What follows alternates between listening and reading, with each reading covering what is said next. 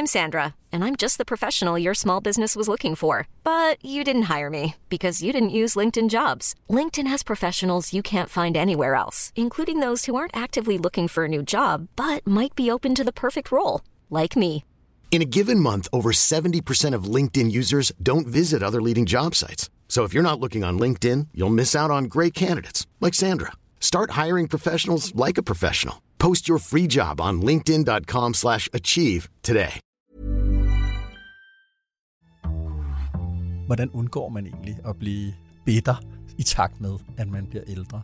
Det undgår man ikke. Men man kan jo godt have både en livserfaring og også en akademisk baggrund, der opretholder troen på, at det kun kan blive bedre, og at det, der stadigvæk er grundlag for optimisme.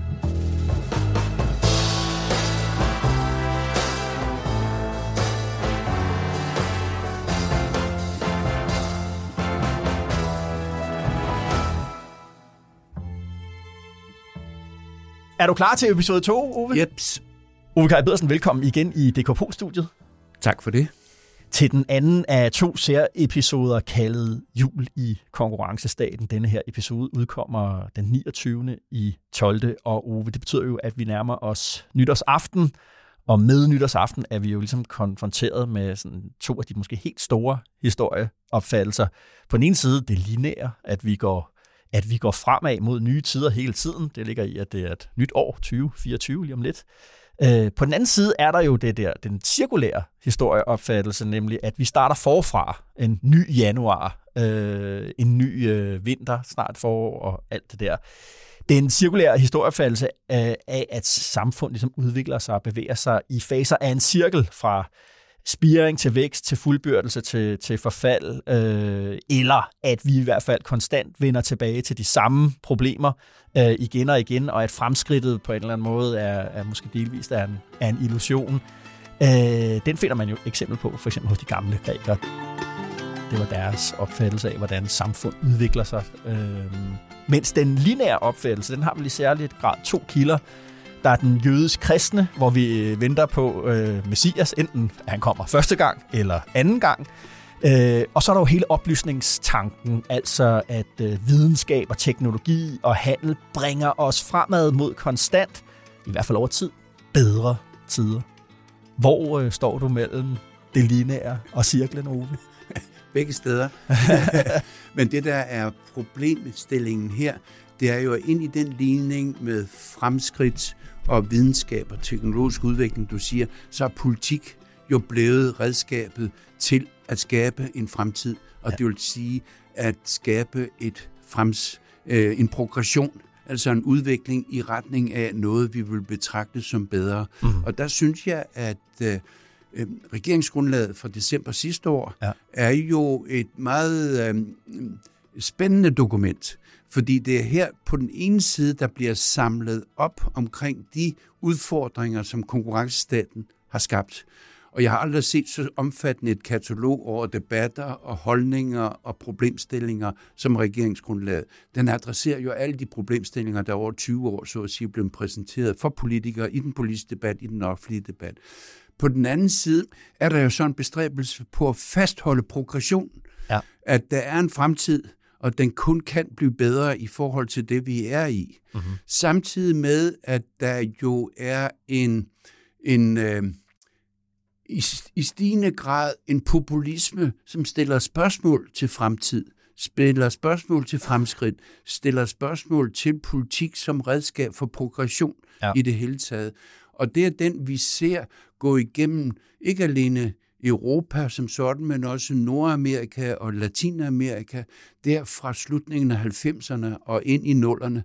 Her har vi jo en populisme, som vender sig bagud. Ja. Ser på fortiden som bedre end nutiden, Aha. og også ser på fremtiden som mere usikker, uh-huh. end fortiden var. Og derfor får vi det her opgør. Jeg har selv jeg har skrevet en bog, der hedder Reaktionens tid, ja. som er den her kombination. Så får vi en periode, hvor progressiv tænkning konfronteres af reg- øh, re- re- regressiv tænkning, ja. øh, hvor vi får et opgør med progressionstænkningen, oplysningstænkningen i det hele taget. Og det er vel den øh, regeringsgrundlaget så at sige adresserer ved at sige, nej, nu må vi adressere alle de problemstillinger, der er identificeret, og så prøve at håndtere dem med det progressive tilgang. Så jeg ser selve regeringsgrundlaget som et, øh, et, øh, et dokument, der fastholder den progressive tænkning, ja. men som samtidig gør det jo ud fra den debat, der har været. Ja. Der er ikke meget fremtridskridtstænkning. Der er ikke meget planer for fremtiden i regeringsgrundlaget. Der er ikke meget planlægningstænkning. Ikke andet, der skal nedsættes en hulens masse udvalg og kommissioner og komitéer til overhovedet at, at, at tænke det her. Det, der så er det paradoxale, det er jo, at der ind i øh, regeringsgrundlaget også er det her regressive element. Mm-hmm. At gå fra velfærdsstat til velfærdssamfund – hvor velfærdssamfundet jo var jo den dominerende velfærdsopfattelse, som kom frem lige efter 2. verdenskrig, ja. og som dominerede gennem 50'erne og op i, op i 60'erne, og her slutningen af 60'erne blev afløst af velfærdsstatstænkning. Ja.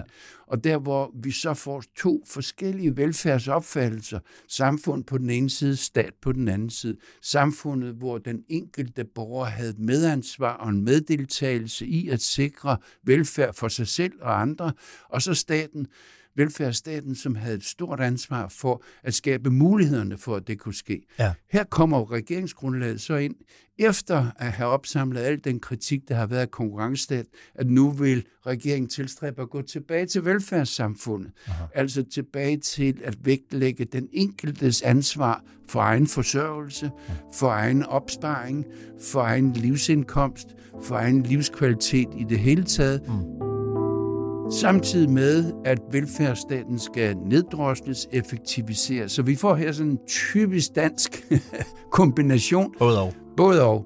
Og øh, gradvise overgange og øh, langsigtede øh, processer, som flytter fra et til noget andet. Dermed er, øh, er din pointe om, hvor står vi i dag, ja. er ganske vigtig. Vi står det samme sted, ja. og vi står i midt i en proces, som flytter små skridt i en, en anden retning, end den vi er vant til. Men det, der er spørgsmålet, det er, hvordan kombinerer man en velfærdssamfundstænkning med en relativt stor velfærdsstat, samtidig med at samfund plus stat lægges ind under kravet om konkurrence forbedring, ja. og dermed at sikre den danske samfundsøkonomi ved, at den danske arbejdskraft er kompetent, at den sam, samlede økonomi er, er gearet på den måde, at den ikke er gældsat, og vi ikke er afhængige af andre, som vi var i øh, med fastkronepolitikken der fra 1980 og frem efter som er et af de største suverænitetstab, det det samfund har ja. været udsat for, men vi opretholder den. Ja. Øh, og øh, dermed er vi både og politik, vi er en blandingsøkonomi, mm. små skridt, men disse små skridt tages i retning af noget, som ingen øh, rigtigt har nogen plan for, med anden end sådan som det hedder inden for organisationsteorien, modeling through. Ja. Vi, vi bevæger os, vi tager små skridt, og så lærer vi af de små skridt, og så tager vi de næste skridt, og så lærer vi af dem. Med det resultat, det er ikke nogen planlægningsproces, det er en erfarings- og eksperimentel proces, mm. og det er den, vi er inde i.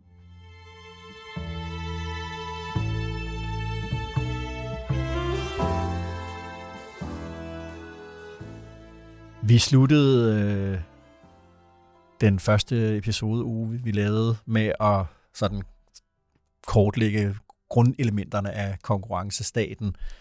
Øh, det blev jo også nærmest indgangsportalen for SVM-regeringen, fordi øh, ikke alene i regeringsgrundlaget, altså det første, man nævner, man vil gøre, det er at øge udbuddet af arbejdskraft. Man sætter også et relativt højt mål, 45, 45.000 fuldtidspersoner vil man øh, øge udbuddet øh, med. Og, og det kronede man som et meget symbolsk øh, forslag, nemlig afskaffelsen af store bededag. Det vil resultere, jeg tror beregningerne dengang var 8.000 ud af de der 45.000 fuldtidspersoner. Øh, det skulle øge skatteindtjeningen over tid, øh, det såkaldte råderum, sagde man, og det var nødvendigt for at finansiere dansk militær oprustning, fordi at Rusland havde invaderet øh, Ukraine. Det igangsatte den her enorme upopularitet, som regeringen her et år efter ikke er kommet ud af.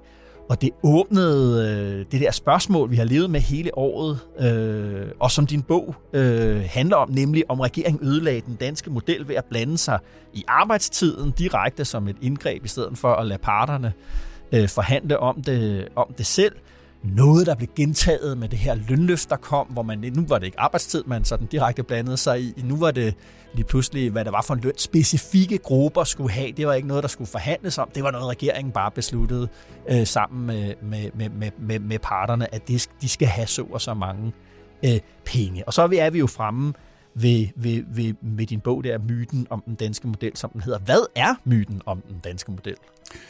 Jamen, myten går jo ud på, at der er en dansk model, og at den baserer sig på parternes selvstændighed til at forhandle og konflikte uden politisk indgreb ja. og deltagelse. Og øh, det, er, det, bliver, det er en meget vigtig myte, som mm. vi har været inde ja. på, men det er også en myte i den forstand, at politik jo hele tiden har lagt rammer omkring parternes selvstændighed. Og disse rammer blev defineret ved septemberforliget 1899, hvor parterne, og det er især arbejdstagerne, øh, accepterer, at det er grundlovens magtfordeling, ja. at det er parlamentets ene kompetence, at det er myndighedernes ret at beslutte, hvor går forskellen mellem en lovlig og en ulovlig ja. arbejdskonflikt, og at det er parternes opgave at sikre, sådan som det kommer frem ved, øh, ved forlismandsinstitutioner og mailingsinstitutioner fra 1910 og frem, det er parternes opgave at sikre, at deres medlemmer accepterer ja. det grundlag, som grundloven har lagt, ja. den ene kompetence hos lovgivningen, som grundloven har lagt, og øh, den myndighed, som anklager ret, domstole og politi har til at afgøre, hvor går grænsen mellem det lovlige og det ulovlige. Ja. Derefter er det vigtigt, at parterne ved septemberforlidet accepterer de borgerlige friheder, ja. ytringstros, ja. forsamlings- organisationsfriheden, ja. og gør den til grundlaget for septemberforlidet.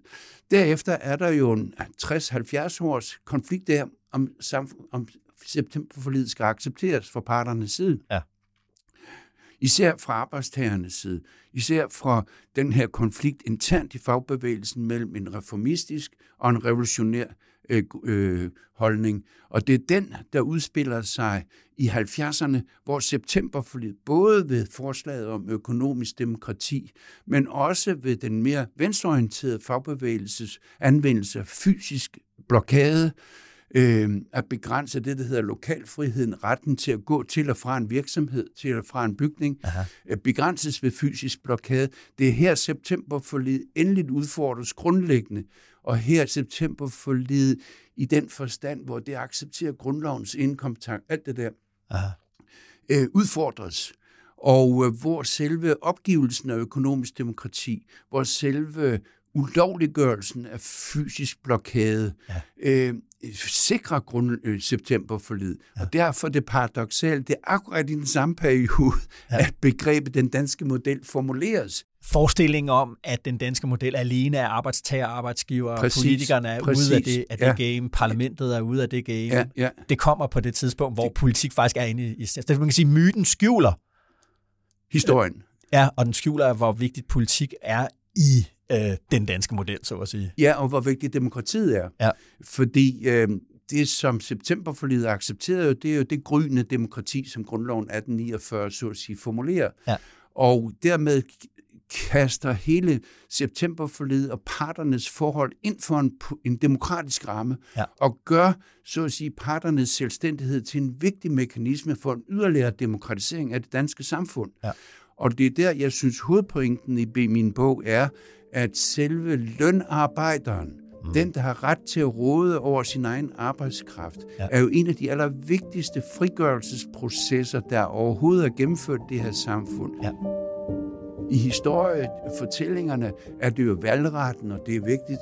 Det er deltagelsen i demokratiske handlinger, og det er vigtigt, der, der understreges. Men det, der sjældent understreges, det er det, jeg har lært fra Frankrig, ja. det er definitionen af arbejde og lønarbejde er en frigørelsesproces, ja. og at det, at man får ret til at råde frit over sin egen arbejdskraft og sælge den på et marked til den pris, som kollektivt eller individuelt er aftalt, er en af de allervigtigste forudsætninger forudsætninger for den demokratisering, som følger efter. Ja. Jeg har den pointe.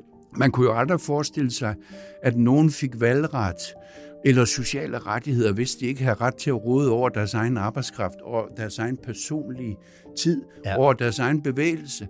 Husk nu på, at før september forledet gradvist begyndte at ophæve det, så var hovedparten af den arbejdende befolkning lagt ind under huset, hvor det var husfaderen, der besluttede, hvem måtte gifte sig med hvem, hvem måtte bevæge sig ud af huset, hvornår og skulle være tilbage, hvornår, Ja. hvem måtte opbygge en formue, og det var der ikke ret mange, der måtte, så videre. Ingen kan forestille sig, at en person, som ikke havde bevægelsesfrihed, ikke havde øh, fri vilje til at indgå ægteskab, ikke havde ret til at råde over lønindkomsten, overhovedet kunne tænkes som en, der havde valgret eller ret til at modtage sociale ydelser. Så selve arbejdet og lønarbejdet, den fri arbejder, er en af de grundlæggende forudsætninger Ja. for frigørelsesprocessen og en grundlæggende forudsætning for den arbejdsmarkedsmodel, der opstår senere. Og der er septemberflyet alt afgørende, Ja. fordi grundloven 1849 garanterer ikke den fri arbejder, garanterer ikke, at arbejdet kan i gang sættes som en frigørelsesproces. Det gør for lidt. Og der er en af de der sjove ting med, hvordan den der myte både er sand og falsk, og øh, hvad det hedder, både virker og ikke virker, eller hvad man skal sige, det er jo det her med, øh, og det kom jo igen i, i treparten omkring det der lønløft, det er, at øh, på et tidspunkt så står der, øh, at det her, det gør vi aldrig mere. Ja. Altså, at politik har blandet sig så direkte. Din, øh, din pointe er, at politik er på spil fra starten af, øh, og derfor har hele tiden muligheden for at træde ind, og er trådt ind mange gange. Øh, men det er på en eller anden måde noget, der ligesom, det skal vi også lige lade som om, at det ikke er tilfældet. Og det står simpelthen nærmest nedskrevet, at det står nedskrevet i lønløftet, ligesom, ja, nu gør vi det her, men det gør vi aldrig nogensinde mere. Og du siger, det vil vi jo mange gange før, og vi kommer vel til det igen. Det kan jeg ikke garantere, man kan heller ikke udelukke det, og det er der ingen, der kan. Øh, også fordi selve trepartsaftalen blev jo grundlæggende formuleret som et forsøg på at løse den rekrutteringskrise, der er til både det private og det offentlige ja. arbejdsmarked i øjeblikket. Ja. Og ingen under de demografiske forudsætninger, vi kender i dag, har nogen som helst forventning om, at rekrutteringskrisen er løst inden for de næste 5-7 år. Derfor tror jeg, at selve spørgsmålet om løn og spørgsmålet om arbejdsbetingelser og arbejdstid vil være med os i de næste mange, mange, mange år, Ja. og at der vil være et, øh, et, politisk pres for, også fra parternes side, om et stadig tættere samspil mellem politik og overenskomst øh, forhandlingerne. Men det var jo noget af kritikken, øh, jeg så af børsen øh, med Bjarne Korydon i spidsen, som mange jo nok identificerer. Øh, næste efter dig, så bliver Bjarne Korydon identificeret med konkurrencestaten. Øh, deres kritik var jo netop det her med, hov, nu var politik indblandet, og det kan betyde, at man vil, at øh, faggrupper vil forsøge at presse den til hver tid siddende regering til at komme med, med løn, med, med poser med løn til dem. Er det ikke en, en, en, en reel fare, at, øh, at, øh, at, at regeringer ligesom vil være, være, befinde sig for enden af det der pres, og ligesom skal afbetale sig, betale sig vej ud af det? Jo, men det er pres, som har karakteriseret den danske model for dag et, ja. så at sige. Og det, jeg prøver at beskrive, det er de fem faser, hvor politik og arbejdsmarkedsparter er kommet stadig tættere på hinanden, men ud fra betingelsen om, at parternes selvstændighed skal opretholdes, men under forskellige nye typer af rammer. Og øh, jo, men det er da øh, også et spørgsmål, det er jo ikke bare et spørgsmål om arbejdstagernes løn og arbejdsbetingelser. Det er også et spørgsmål om kapitalens rådighed øh, over virksomhederne. Ja. Og der kan vi også se et selvstændigt spor, hvor virksomheder drages ind i politik med partnerskaber, ved regional business regions osv. osv. Ja. Således at politik versus kapitalanvendelse bliver også stadigvæk mere knyttet sammen. Ja. Og at det øh, alt sammen udspringer af det, som fælleserklæringen er den første, der virkelig understreger, det er, at både husholdninger, arbejdsmarkederne og politik er underlagt et bestemt krav, og det er om at forøge konkurrenceevnen. Aha. Og det gør jo, at alle de her spørgsmål bliver kombineret i nogle meget, meget finurlige processer, øh, hvor kapitalens råderet opretholdes, hvor parternes selvstændighed opretholdes, men ved at der sker en stadig mere tæt sammenvævning af politik og af alle de her spørgsmål, uden at det indebærer bedriftsråd, uden at det indebærer medarbejderskab, men ved at parterne aftaler, hvilken del af lønnen, der skal opspares til arbejdsmarkedspension, til sundhedsforsikringer, til eget valg ja. osv. osv. Og hvor overenskomsterne dermed inddrages ind i det at tage samfundsøkonomiske hensyn ud fra konkurrenceevnen definitionen. Betyder det så også, hvad kan man sige, at, at uh, myten om den danske model uh, også på en eller anden måde skjuler, at vi er en konkurrencestat? Jamen det kan man jo godt sige. Men det, der er karakteristisk, det er, at myten er jo en, der opretholdes på grund af, der er interesse i at have den. Ja. Og det er jo paradoxale, er, at selve begrebet den danske model formuleres i det selv samme øjeblik, hvor grænserne mellem politik og faglighed, de bliver mere og mere porøse, ja. og samspillet bliver mere og mere øh, intensivt. Og det er jo et, et paradoks, men det er også et paradoks, der viser, hvordan myten er aktiv, ja. og hvordan den er vigtig. For at opretholde den her forestilling om selvstændighed, som gør parterne ved egen fri vilje, gennem aftaler herunder trepartsaftaler, kan lægge sig ind og påtage sig et, et konkurrenceevne hensyn. Ja og dermed et hensyn til at opretholde den velfærdsstat, vi har, og et hensyn til at fremme arbejdskraften kompetencer og kapitalens investeringsdygtighed, som det siges, som det siges, som det siges. Aha. Men det, der er pointen her, det er, at alle disse størrelser, herunder du og jeg, herunder vores husholdninger, er draget ind i at varetage et samlet hensyn til den danske samfundsøkonomi, og dermed bliver Danmark jo særligt ved sammenligning med mange andre lande. Ja. Fordi her er det virksomhederne, der kastes ud på globalt marked og konkurrerer med andre landes virksomheder. Her er det husholdninger, der, der tager øh, øh, stødet fra global konkurrence. For eksempel en amerikansk husholdning, der, der øh, skal spare op til sin egen fremtid gennem at investere i i øh, aktiekapital og så videre. Så når kapitalen den mister sin værdi, så er de på bagdelen og så videre. Så videre. Jo, jo, jo. Og her har vi jo en statsgarantering af den arbejdsmarkeds opsparing, der, øh, der har fundet sted. Ja. Og dermed er alt det her jo vævet ind i et hensyn til, at vi kan opretholde den type af samfundsmodel. Og i den type af samfundsmodel, en blandingsøkonomi, en blanding af plan, ja. uden plan, og et marked uden marked, men hvor spillet mellem dem er konstant intensiveret, så er øh, problemstillingen jo den, at det alle frygter, det er en tilbagevending til 70'erne, ja. og til at markedet står over for politik, og at øh, selve lønudviklingen og omkostningsudviklingen i det danske samfund ikke er under kontrol, med ja. det resultat statsbankerotten truer, og den bliver jo så løst gennem slutterperioden op i Nyrup Rasmussen-perioden, men også ved, at egenopsparing, arbejdsmarkedspensionerne bliver sat igennem, også ved, at vi kobler den danske krones værdi til den tyske D-mark siden øh, euroen, og dermed mister vores øh, stor del af vores pengepolitiske suverænitet. Ja. Vi afgiver den til først tyskerne siden Europa. Ja. Og det er jo redskaber, som fører til den succesmodel,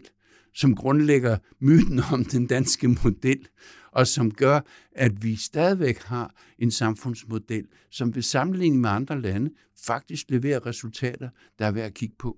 Spørgsmålet er jo så, den er succesfuld, øh, og den er også historisk succesfuld i den forstand, at, at vi var på vej i afgrunden, og nu er vi en af de rigeste, en af de mest velstående, sundeste, alt det her ja. øh, samfund. Spørgsmålet er, hvorfor sandheden om den kan være så ildehørt? Altså, hvorfor er det så upopulært øh, at føre politik på den baggrund?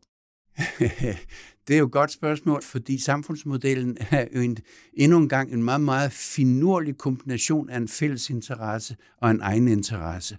Og vi har jo gennemført med konkurrencestaten en liberalisering på mange planer, ja. og en individualisering på mange planer, og en inddragning af den enkelte i et ansvar for sit eget liv, som aldrig nogensinde tidligere, men dermed også en understregning af, du er ansvarlig, men du har også øh, viljen til at være ansvarlig. Aha. Samtidig med, at al den her eget ansvar, al den her egenvilje, den her liberalisering og individualisering, jo er lagt ind i en ramme, hvor individualisering anvendes til at drive en fælles interesse i, at betingelserne for at være individ, mm. for at være øh, ansvarlig, de lægges via nogle meget, meget finurlige processer, som i hvert fald ikke er sovjetiske, i hvert fald ikke er tysk planlægningsøkonomi, ej heller amerikansk eller britisk mm. øh, markedsøkonomi, men er den her særlige model.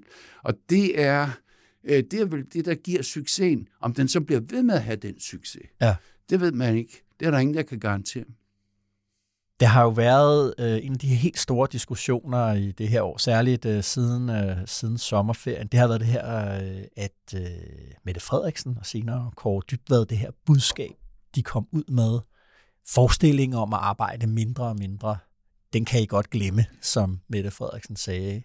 Øh, dit take på den debat, altså det her med, at vi skylder vores arbejdskraft til samfundet, det kan man jo sige, det er jo det, der det er, det er fodsoldaten. Det er fodsoldaten igen. Ja, ja det er jo helt, altså når man sidder og kigger på tallene, så kan man, så kan man simpelthen se, at Mette Frederiksens øh, personlige popularitet som politiker, den tager dyk, da hun kommer tilbage fra sommerferien øh, og har det her budskab med. Hvad er dit take på den her debat, Ove, om mere eller mindre arbejde, og om vi skylder vores arbejdskraft til samfundet?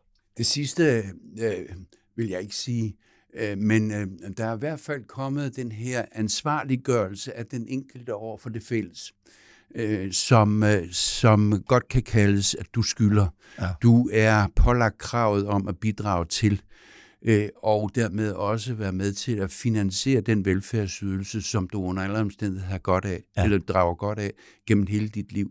Men det, der derefter er karakteristisk, det er jo enhver politiker, og det er et historisk øh, aspekt, også ved dansk udvikling, har stået mellem det, at forøge arbejdsudbuddet, ja sådan som det skete gennem 60'erne og 70'erne med, at kvinderne kom på arbejdsmarkedet ja. ved, at sæsonarbejdere kom i permanent ansættelse. Det er jo den største udbudspolitiske reformbølge, ja. vi overhovedet har oplevet, ja. og som gav grundlaget for at overhovedet have en velfærdsstat, fordi der skulle institutioner til, for at kvinderne kunne komme, komme ud, der skulle en urbanisering til, for at øh, arbejderne kunne komme permanent i, i ansættelse osv. osv.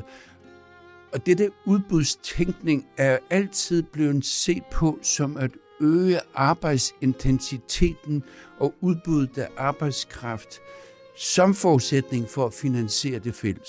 Ja. Men dermed også i modsætning til det andre lande har gjort.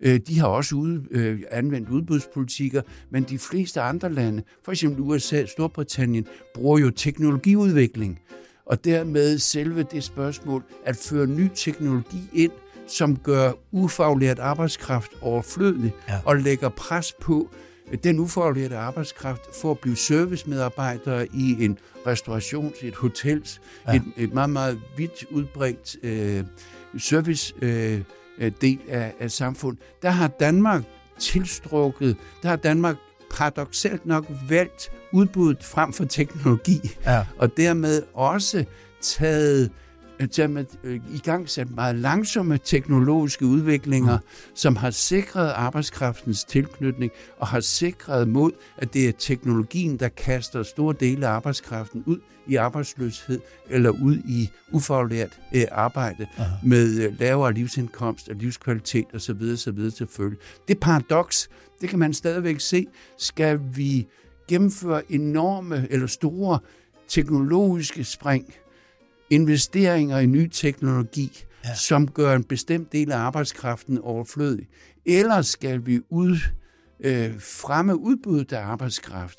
Så opkvalificere den. Opkvalificere den i processen, således at til, tilknytningen til den nye teknologi, den bliver langsommere, og den bliver uddannelsesorienteret, mm. og samler således den ufaglærte arbejdskraft op gennem en kompetenceudvikling, således at det bliver meget mere smooth, det bliver bare meget mere både og. Ja. Og det kan jeg se stadigvæk, øh, fordi der er jo ikke nogen tvivl om, at der foregår teknologispring derude, ja, ja. som er ganske væsentligt. Der er heller ingen tvivl om, at den teknologi, som i øjeblikket indføres for eksempel i USA's USA i virksomheder osv., osv., kommer til Danmark på et eller andet tidspunkt, ja. men kommer skridt på skridt på skridt, og ikke ved de store chok, som teknologiudviklingen lægger ind i arbejdsmarkedet i andre lande. Men det var vel et forsøg det her på at tale om arbejdsmoralen og tale arbejdsmoralen op, og at det var godt at arbejde, det var også godt at arbejde relativt øh, meget. Øh, det så jeg i hvert fald som sådan en form for at forsøge at skabe en værdimæssig, moralsk opbakning til grundelementerne i, i, i det, du kalder konkurrencestaten. Øhm, og, og, og det synes jeg bare synes, der var meget paradoxalt ved den debat, det er, at den blev så hissig, at den, øh, og, at, øh, og at regeringen også blev upopulær øh, på den baggrund, at kritikken blev meget øh, øh voldsom, og folk følte sig angrebet på deres frihed jo. Jamen, det er rigtigt. Øh, og, men det er også en, en klassisk socialdemokratisk tilgang til arbejde og arbejdsmarkedet. Aha. Husk nu på, at arbejdet for den, den oprindelige fagbevægelse og socialdemokrati var en frigørelse. Ja. Det var en frigørelse fra huset. Ja. Det var en selvstændiggørelse af den enkelte. Ja. Det var en mulighed for, at den enkelte kunne råde over sin egen arbejdskraft, egen formue, kunne alt muligt andet. Ja. Og fik fritid. Og fik fritid og færre arbejdstimer Aha. og så videre, så videre, gennem kollektive overenskomster og gennem politisk påvirkning Aha. og alt det der. Men det betød også, at for Socialdemokratiet er det en traditionel pointe, at arbejdet er frigørende. Aha. Og at du også har en pligt til at arbejde, i modsætning til alle de, som ikke har den pligt, fordi de har egne arv, de har egen formue og øh, øh kan leve øh, sådan og sådan. Den pligt er jo i dag en almindelig pligt for alle, ikke bare for arbejdskraften, men også for kapitalejeren osv. Ja. osv. Og det betyder jo, at den proces om arbejdet som frigørende, som grundlaget for den type af demokrati, ja. den type af velfærdsstat, vi har i dag, som udspringer af grundloven 1849 med offentlig forsørgelse og, og retten til at modtage offentlig forsørgelse, hvis man ikke kan forsørge sig og sine. Ja. Den, øh, den står over for en, øh, en ny generation, som ser arbejde som en byrde, eller i hvert fald en begrænsning på andre behov, øh, så vil jeg sige, at den diskussion var også dominerende i 70'erne. Aha. Øh, det var jo, da arbejdstiden skulle ned, ja. fritiden skulle op, og vi havde den her diskussion om, hvad er forskellen på fritid ja. og fri tid. Ja. Altså tid til at råde fuldstændig over sin egen tid i forhold til den fritid, der var aftalt ved lov eller overenskomst osv. osv. Den diskussion er kommet tilbage igen. Ja. Og den hænger jo helt evident sammen med, at øh, konfrontationen mellem arbejdet som frigørende arbejde som en pligt over for fællesskabet, ja. samtidig med, at det er stigende grad sådan, at flere og flere forstår sig, ser sig som begrænset i sin fri tid, altså sin ret til at råde frit over ja. sin egen behov ja. og sin egen arbejdsindsats og sin egen udnyttelse af sit liv. Øh, og den her udbudspolitik, ja. som øh, jo er en balance mellem teknologispring og arbejdsudbud. og der er det, jo, er det jo helt evident, at der er to forskellige moraler, to forskellige virkelighedsforståelser, ja. som står over for hinanden. Og det, jeg synes er paradoxale, det er, at vi igen får diskussionen om Max Weber og den protestantiske etik, som jeg vil bare sige meget hurtigt, inden relevans har for at forstå det danske arbejdsmarkeds historie. Aha. Øh, og øh, øh, øh nu sagde jeg i aftes og genlæste den her protestantiske etik. Ja. Det er den mest sønderrevede bog, jeg overhovedet har, fordi det er den, jeg har læst flest gange. Altså Max Webers, den, hvad hedder det, protestantiske, protestantiske etik, etik og kapitalismens ånd, ja. som, øh, hvad skal man sige, helt øh, groft kortfattet siger, at kapitalismen er vokset ud af især sådan kalvinistisk, øh, hvad det hedder, tro, ideen om, at øh, Gud havde allerede udpeget, hvem der skulle i, i himmeri, og hvem der ikke skulle, og den ja. måde, man kunne finde ud af det på, det var, hvis det gik en velstandsmæssigt økonomisk godt i her på jorden, så var det fordi, man var udpeget, og der var Max Webers pointe, at så kan det godt være, at vi slipper vores religiøse tro, men den der ånden i, at vi var udpeget, at økonomisk succes var, var lige med, at man var udpeget, den, øh, den lever videre som en kappe, man har om skulderen og en byrde, man bærer. Ja. Men det, der er karakteristisk for kalvinismen og øh, metodismen og baptismen, det er jo, det er den reformerede kirke, de reformerede kirker, og de poetansk tænkende. Ja. Og det er, hvor øh, du skal kontrollere dig selv mm-hmm. for at kunne vise gennem dit liv, via din selvkontrol, at du er i stand til at finansiere og forsørge øh, dig selv. Ja. Og den puritanisme er jo, og det påpeger øh, Weber konstant, er jo i modsætning til, eller i hvert fald forskellig fra den lutheranisme, som karakteriserer Nordeuropa, som karakteriserer os, fordi øh, lutheranismen i forhold til kalvinismen er mere karakteriseret ved følelser, ved at du dyrker Gud, eller lyde, er lydig over for Gud, efter din egen tilskyndelse, på baggrund af din egen tro, men det pålægger dig ikke nogen selvkontrol. Mm. Det pålægger dig ikke nogen puritanisme. Du må godt have lov til at synge af Carstens gæld. Du må godt have lov til at danse til aften. Du må godt have lov til at drikke dig fuld. Ja. Og det karakteriserer ikke kalvinismen. Mm-hmm. Og den, øh, dermed siger Weber konstant, der er forskel på kalvinismen eller de puritanske reformerede kirker og som forudsætning for kapitalisme, og den kapitalisme, der også kommer i Nordeuropa, for den kapitalisme er meget mere statsdirigeret, den er meget mere orienteret mod opdragelse og uddannelse. Uh-huh. Den er meget mere orienteret mod, at staten giver dig uddannelse og kompetencer, og giver dig via rettigheder muligheden for overhovedet at være deltager i kapitalisme. Mm. Så den fri arbejder i kalvinismen er en, der betyder puritanisme og selvkontrol. Den fri arbejder i det lutheranske, det er den, hvor du får rettigheder via en stat, der også opdrager og danner dig til at udnytte disse rettigheder. Aha. Og det er to forskellige veje til kapitalisme, og det er to forskellige anvendelser af, af, af protestantisme. Mm-hmm. Og det er karakteristisk, at den går jo glip, fordi øh, i den her diskussion, så bliver etik altså en moralisme. Du skal, du bør, Øh, og øh, det er jo lidt af en kalvinistisk udlægning i et lutheransk samfund. Ja. Hvorimod øh, øh, hele, hele traditionen for sang og glæde og friskole og så videre karakteriserer den danske vej mm-hmm. til det her. Men også karakteriserer folkeskolens opbygning som det væsentligste redskab til at opdrage og uddanne danne til overhovedet at leve i den her type af samfund som fri arbejder. Jeg tænkte også på, om, om, øh, om modstanden mod den her øh, moralisering af arbejdet, at, øh, som, som, øh, som kom fra Mette Frederiksen og, og Kåre Dybvad, havde noget... Jeg vil egentlig gerne ligesom vende tilbage til det der billede med linjen og cirklen.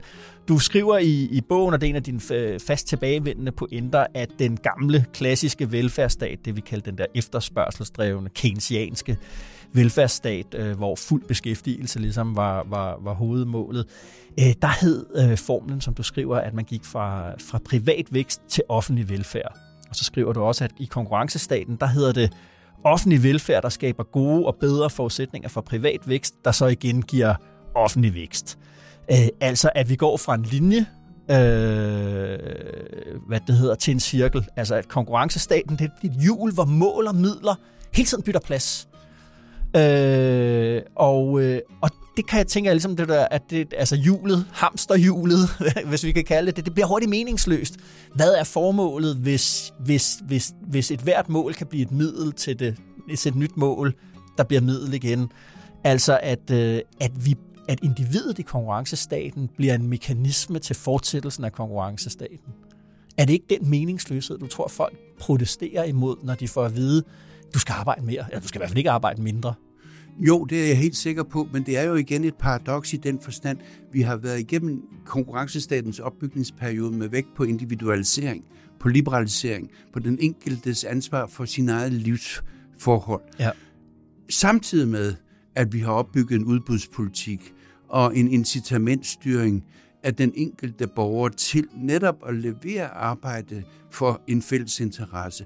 Den der paradoks mellem individualisering og fællesansvar. Ja. Det er der, hvor vi står. Og der står vi jo nok nu i et moralsk opgør mm-hmm. mellem to forskellige opfattelser af arbejdet, Aha. og dermed arbejdets funktion. Arbejdet er noget, du vil, hvis du skal sikre din livsindkomst. Men arbejdet er også noget, du skal for overhovedet at bidrage til, at du kan få den livsindkomst gennem konkurrenceevne osv. Mm.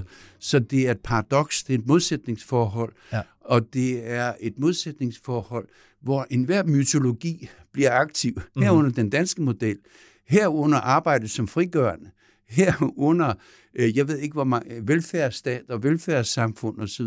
Ja. Og det er altid i de store transformationsprocesser i overgangen, den gradvise overgang fra noget til noget andet, at myter bliver vigtige, mm. og myterne giver anledning til konflikter, og hvor myterne inddrages for at understrege disse konflikter. Bare se på Kort Dybbad som arbejdsmoral. Det er jo en myte, at vi, at protestantismen har givet os en etik. Nej, i Danmark har vi fået en etik gennem undertrykkelse, gennem disciplinering, gennem skoling, gennem øh, uddannelse osv. osv.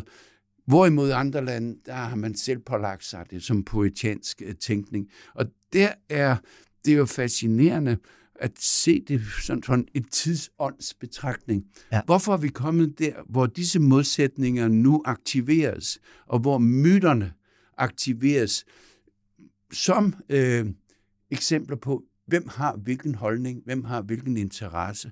Myter er jo nogen, der bliver aktive, fordi nogen har interesse i at holde dem aktive. Ja. Det er jo endnu en gang mærkværdigt, at begrebet om den danske model opstår lige præcis i det tidspunkt, hvor vi har været igennem en politisk styring af hele arbejdsmarkedet. 60'erne og 70'erne Aha. i forbindelse med velfærdsstatens opbygning, så er der nogen, der har interesse i at understrege selvstændigheden for overhovedet at frigøre sig for den type af direkte politisk mm. involvering i lønforhandlingerne, som har været karakteristisk for, for 1970'erne. Myten er jo så en, der er nogen, der har interesse i. Og der ser jeg tilbage til selve forestillingen om model. Øh, modelbegrebet opstår jo der i 60'erne og 70'erne. Uh-huh. Det er ikke bare i Danmark, vi får en dansk model. Det er i Tyskland, de får en tysk model. Det er i andre lande, de også får modeller. Ja. Hvorfor denne model? Det er fordi, det er på det samme tidspunkt, at de nationale økonomier integreres i internationale økonomier, ja. og hvor de internationale organisationer har brug for systematisk viden om, hvad karakteriserer den ene samfund i forhold til den anden samfund, ja. og hvor modelbegrebet så kommer ind. Der er modeller alle vejen. Mm. Indtil begyndelsen af 1980'erne, der var den arbejdsmarkedsforskning, som var dominerende, talte om septemberforlidet som grundlaget for det institutionaliserede klassesamarbejde. Ja. I begyndelsen af 80'erne er der nogen, der får den interesse i, at det ikke mere er klasser, der samarbejder, fordi der er ikke flere klasser.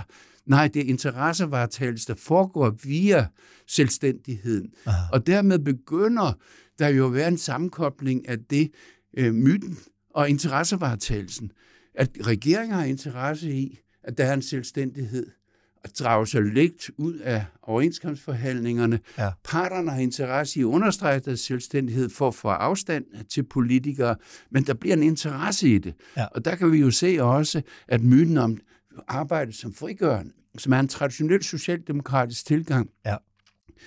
den bliver aktiveret fordi der er interesse i det, ja. i de her paradoxer, vi står og, og, og taler om.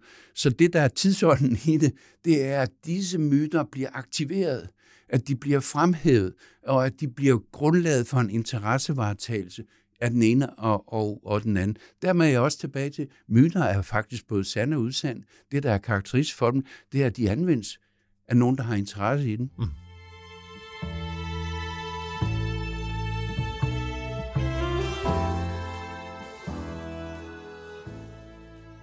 Ove, jeg vil gerne have dit øh, bud på noget, jeg har gået og rumsteret med, og som jeg også har luftet for lytterne her i, i, i DKPol. Kort sagt, om man kan få for meget historie i politik. SVM-regeringen, øh, Mette Frederiksen og Lars Løkke Rasmussen især, de talte jo om den her regering for et år siden som en, der der handlede med velfærdsstatens, velfærdssamfundets sådan meget lange fremtid for øje. Man skulle ikke bare forlænge, som de sagde, med brædder og milliarder. Man skulle ligesom rykke velfærdssamfundet kvalitativt over i en ny øh, tilstand.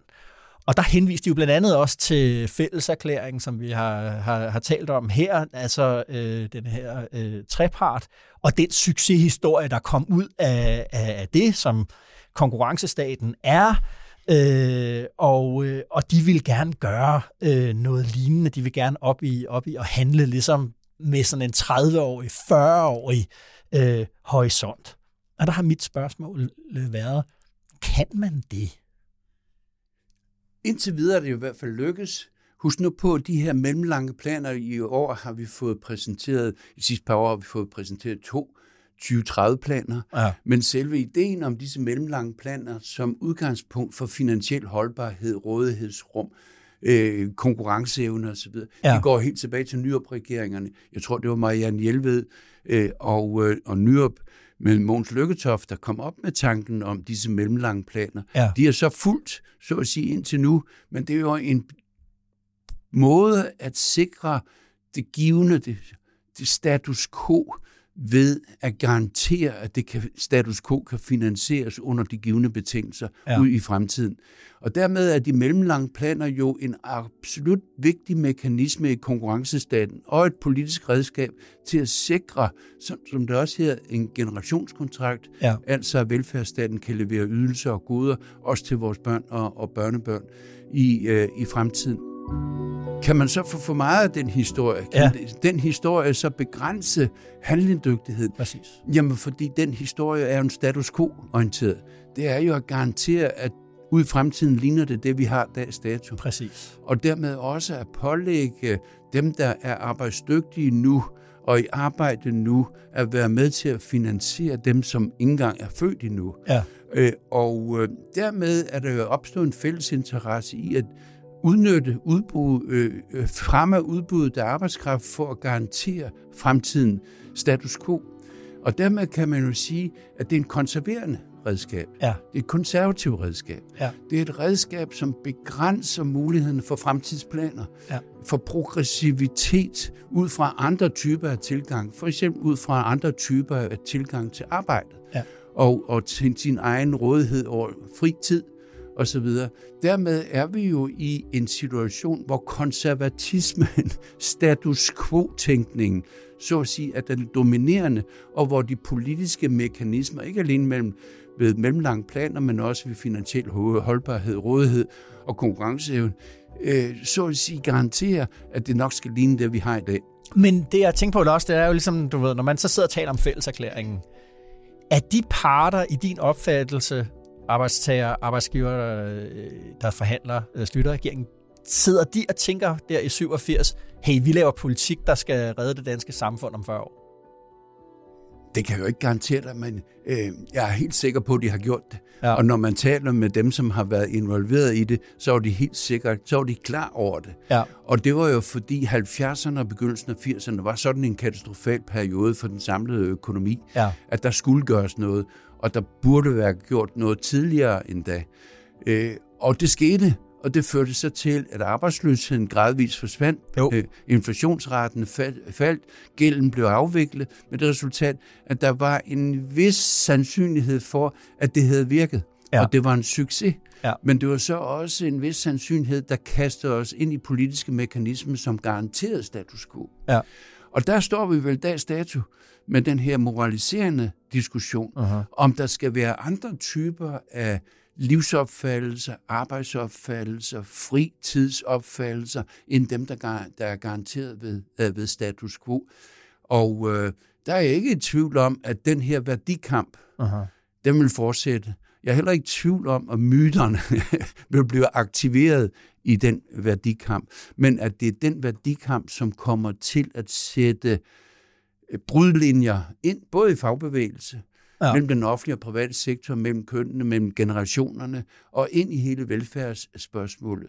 Fordi det er jo velfærdsstaten og den offentlige sektor, som i dag skal levere, og også levere forudsætninger for den private sektors konkurrencedygtighed. Men det jeg godt kan få en fornemmelse af, det er jo en del af kritikken af den her regering, som jeg ved godt, du siger, at nu er der også kun gået et år, og nu må vi lige se. Og alt det der, det er også rigtigt nok. Men øh, det, der er spørgsmålet, det er jo, om, om hvis man ligesom siger, om vi skal, som du siger, vi skal holde en status quo grundlæggende 30 år frem i tiden, så tager man ikke de der chancer øh, politisk. Altså, at det vi har lært af historien, det er at skulle have det meget lange perspektiv, men det kunne også være, at man skulle lære af historien ligesom at kunne altså handle uden at, at have, have regnet alle konsekvenser ud, øh, så godt som man kan i, i forvejen. At, at det begrænser den politiske kreativitet. Helt enig.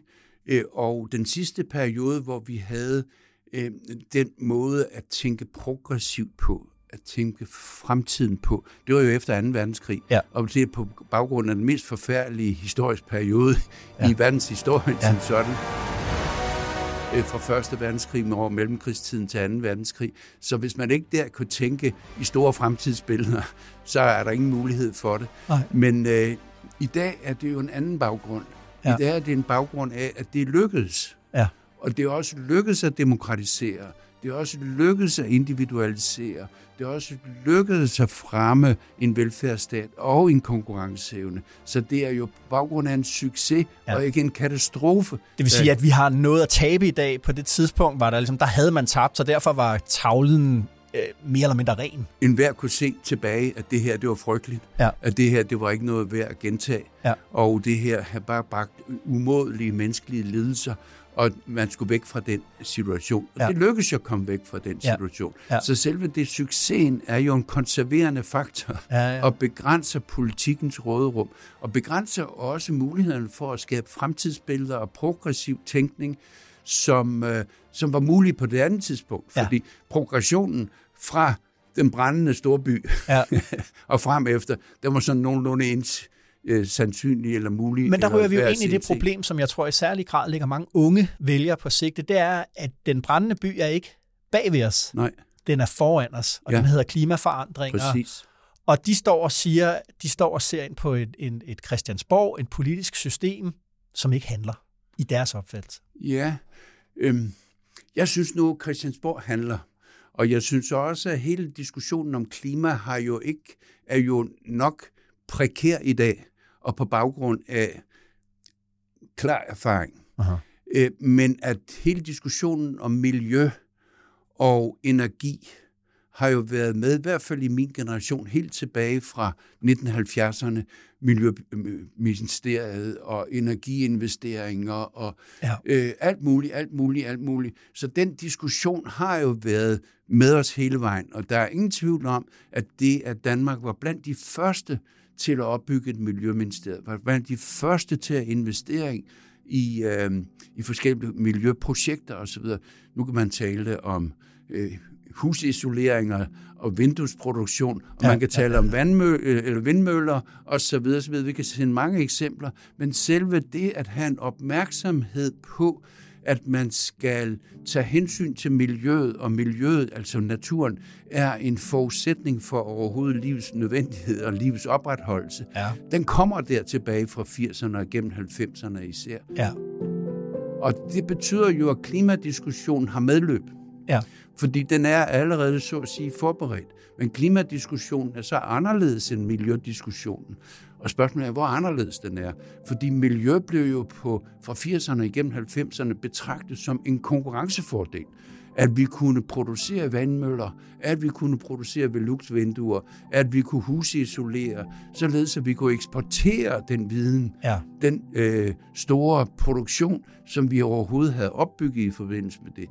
Og dermed blev miljø jo gradvist draget ind i politik, Ja. blev en del af den parlamentariske proces, og dermed ikke den modsætning, som vi ser i Tyskland og i Frankrig, mellem øh, miljøaktivister, som står uden for det politiske system. Ja. Her bliver miljø draget ind i den politiske proces, Ja. og det er jo den, vi står midt i omkring klima. Ja. Skal klima drages ind i den politiske proces, blive en del af en konkurrencedygtighedstænkning, hvor vi leverer teknologi og erfaring og viden øh, til klimaløsninger, eller skal den så at sige, afstedkomme en stadigvæk mere aktivistisk fløj vendt mod det politiske system, mm.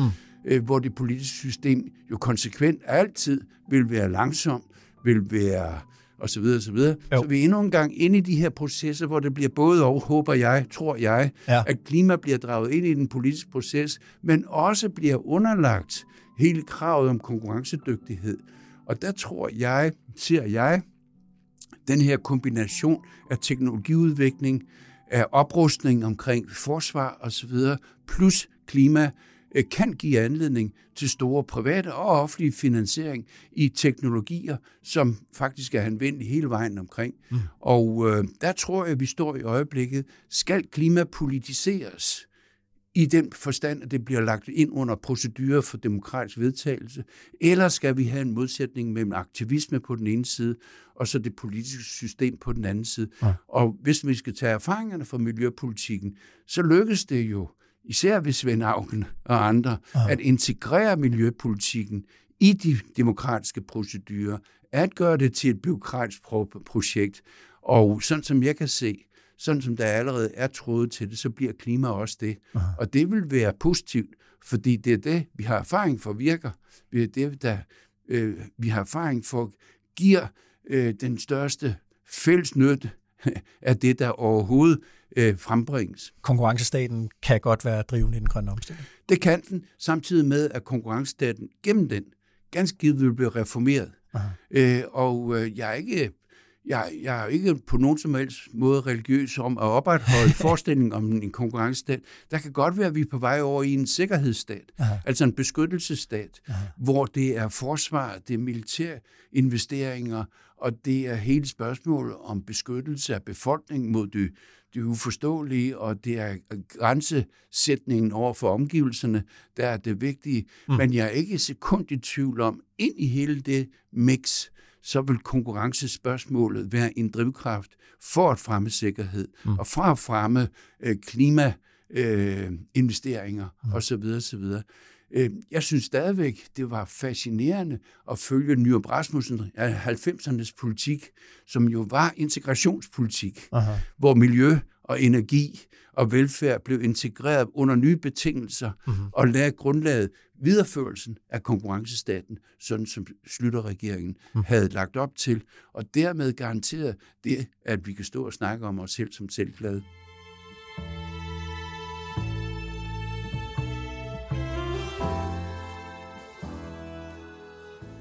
Ove, vi skal til at slukke mikrofonerne og gøre klar til nytårsaften. En, en sidste ting med den her bog, Myten om den danske model, vil jeg gerne lige slutte på.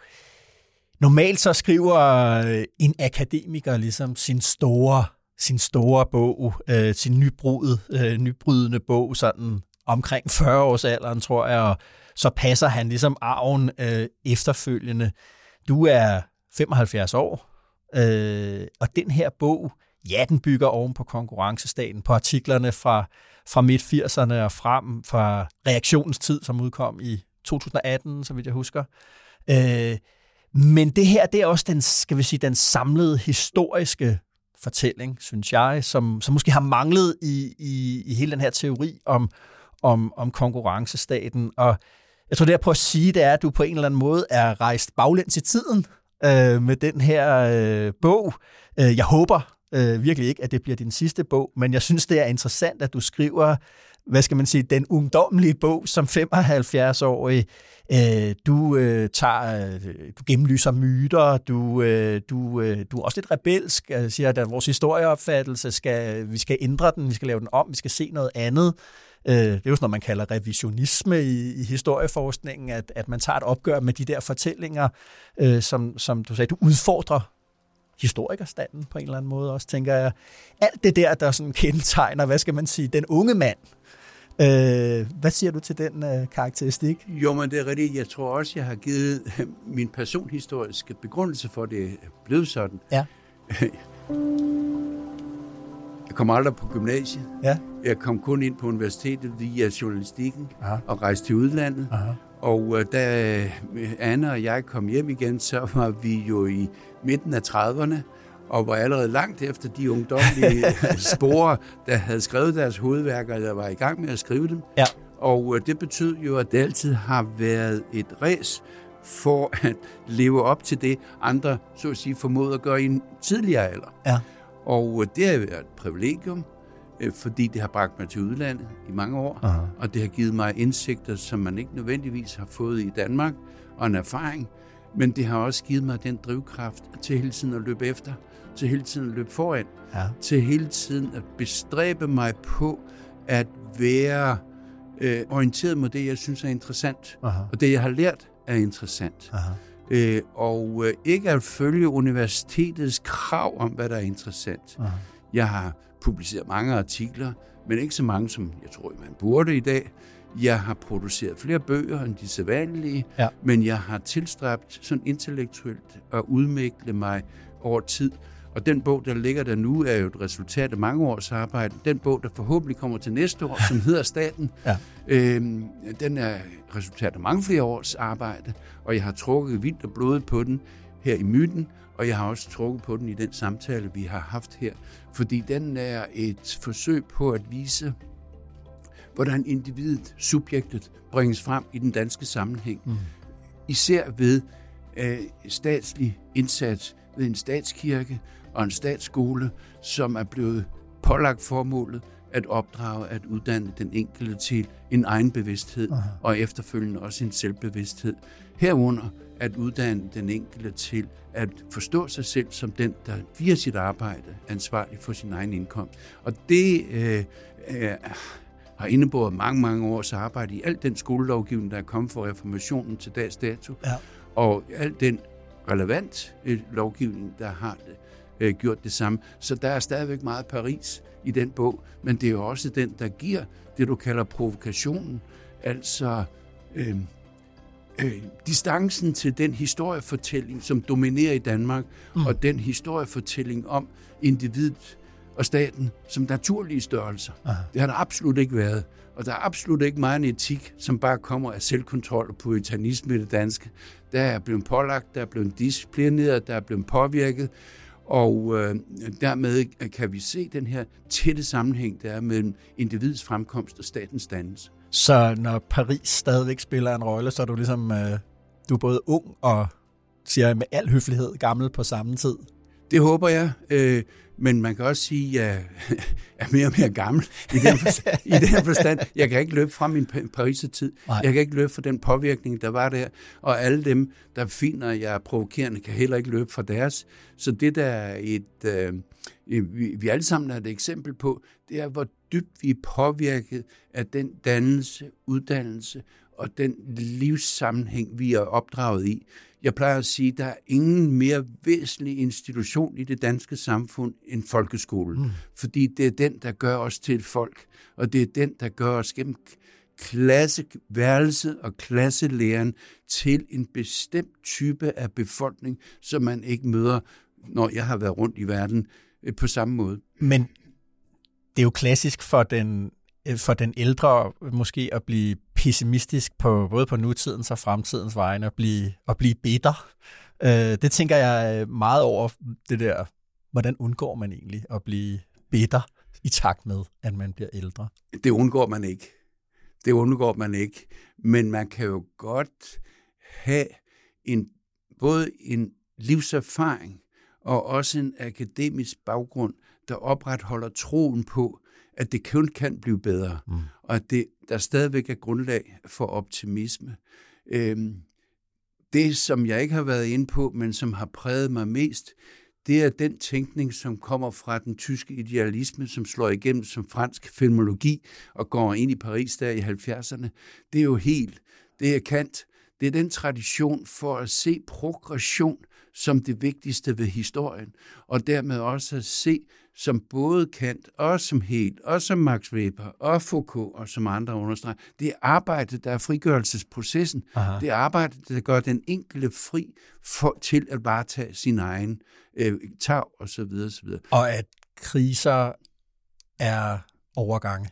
Kriser er overgang, de er vigtige at se som overgang, de er vigtige at udnytte til overgang, men at i hvert fald min livserfaring viser mig igennem, nu jeg tilhører jeg den mest privilegerede øh, generation i, hvor jeg lige vil sige, verdenshistorien, ja. øh, hvor selve progression og fremskridt er indlejret i vores hoved. Ja. Så der kan også være en, en bias der.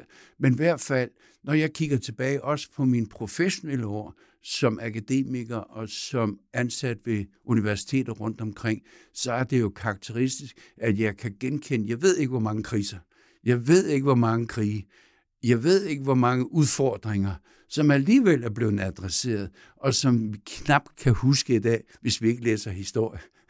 Men de er overstået, og jeg sammenligner mig stadigvæk meget med min forældres generation. Dem, der kom igennem 30'erne, 20'erne og 30'ernes krise, ind i besættelsen, gennem modstand, gennem krig, og ind i den kolde krig og som stod jo med en erfaring, som er væsentligt forskellig fra min generation. de børn, de fødte. Fordi vi kommer ind i den længste fredsperiode i Europa nogensinde. Vi kommer ind i den længste periode for velfærdsudvikling og øh, håb og optimisme nogensinde. Og jeg tror, den erfaring, plus den påvirkning gennem folkeskole og så videre, mm. den giver den her grundlæggende optimisme, som jo er en lutheransk tilgang, fordi det skal jo nok lykkes. Ove, det øh, bliver de sidste øh, ord for i år her i Dekopol. Tak fordi du gad at komme og fejre både jul og nytår med os her i Dekopol-fællesskabet. Tak for invitationen. Og især tak til dig derude med Dekopol i ørerne. Så utrolig mange gange tak for, at vi kan være en fast del af din analyse af politik, demokrati og samfund. Vi lyttes ved allerede igen 5. januar 2024, hvor Jakob Nielsen selvfølgelig også er tilbage. Emma Klitnes producerede denne serieepisode af DK Pol, færmt og med den professionelles håndlag. Mit navn er Esben Schøring, og jeg er politisk redaktør her på Altinget, og jeg og resten af DK Polerholdet ønsker dig og dine et glædeligt nytår, og i hele 2024 god vind.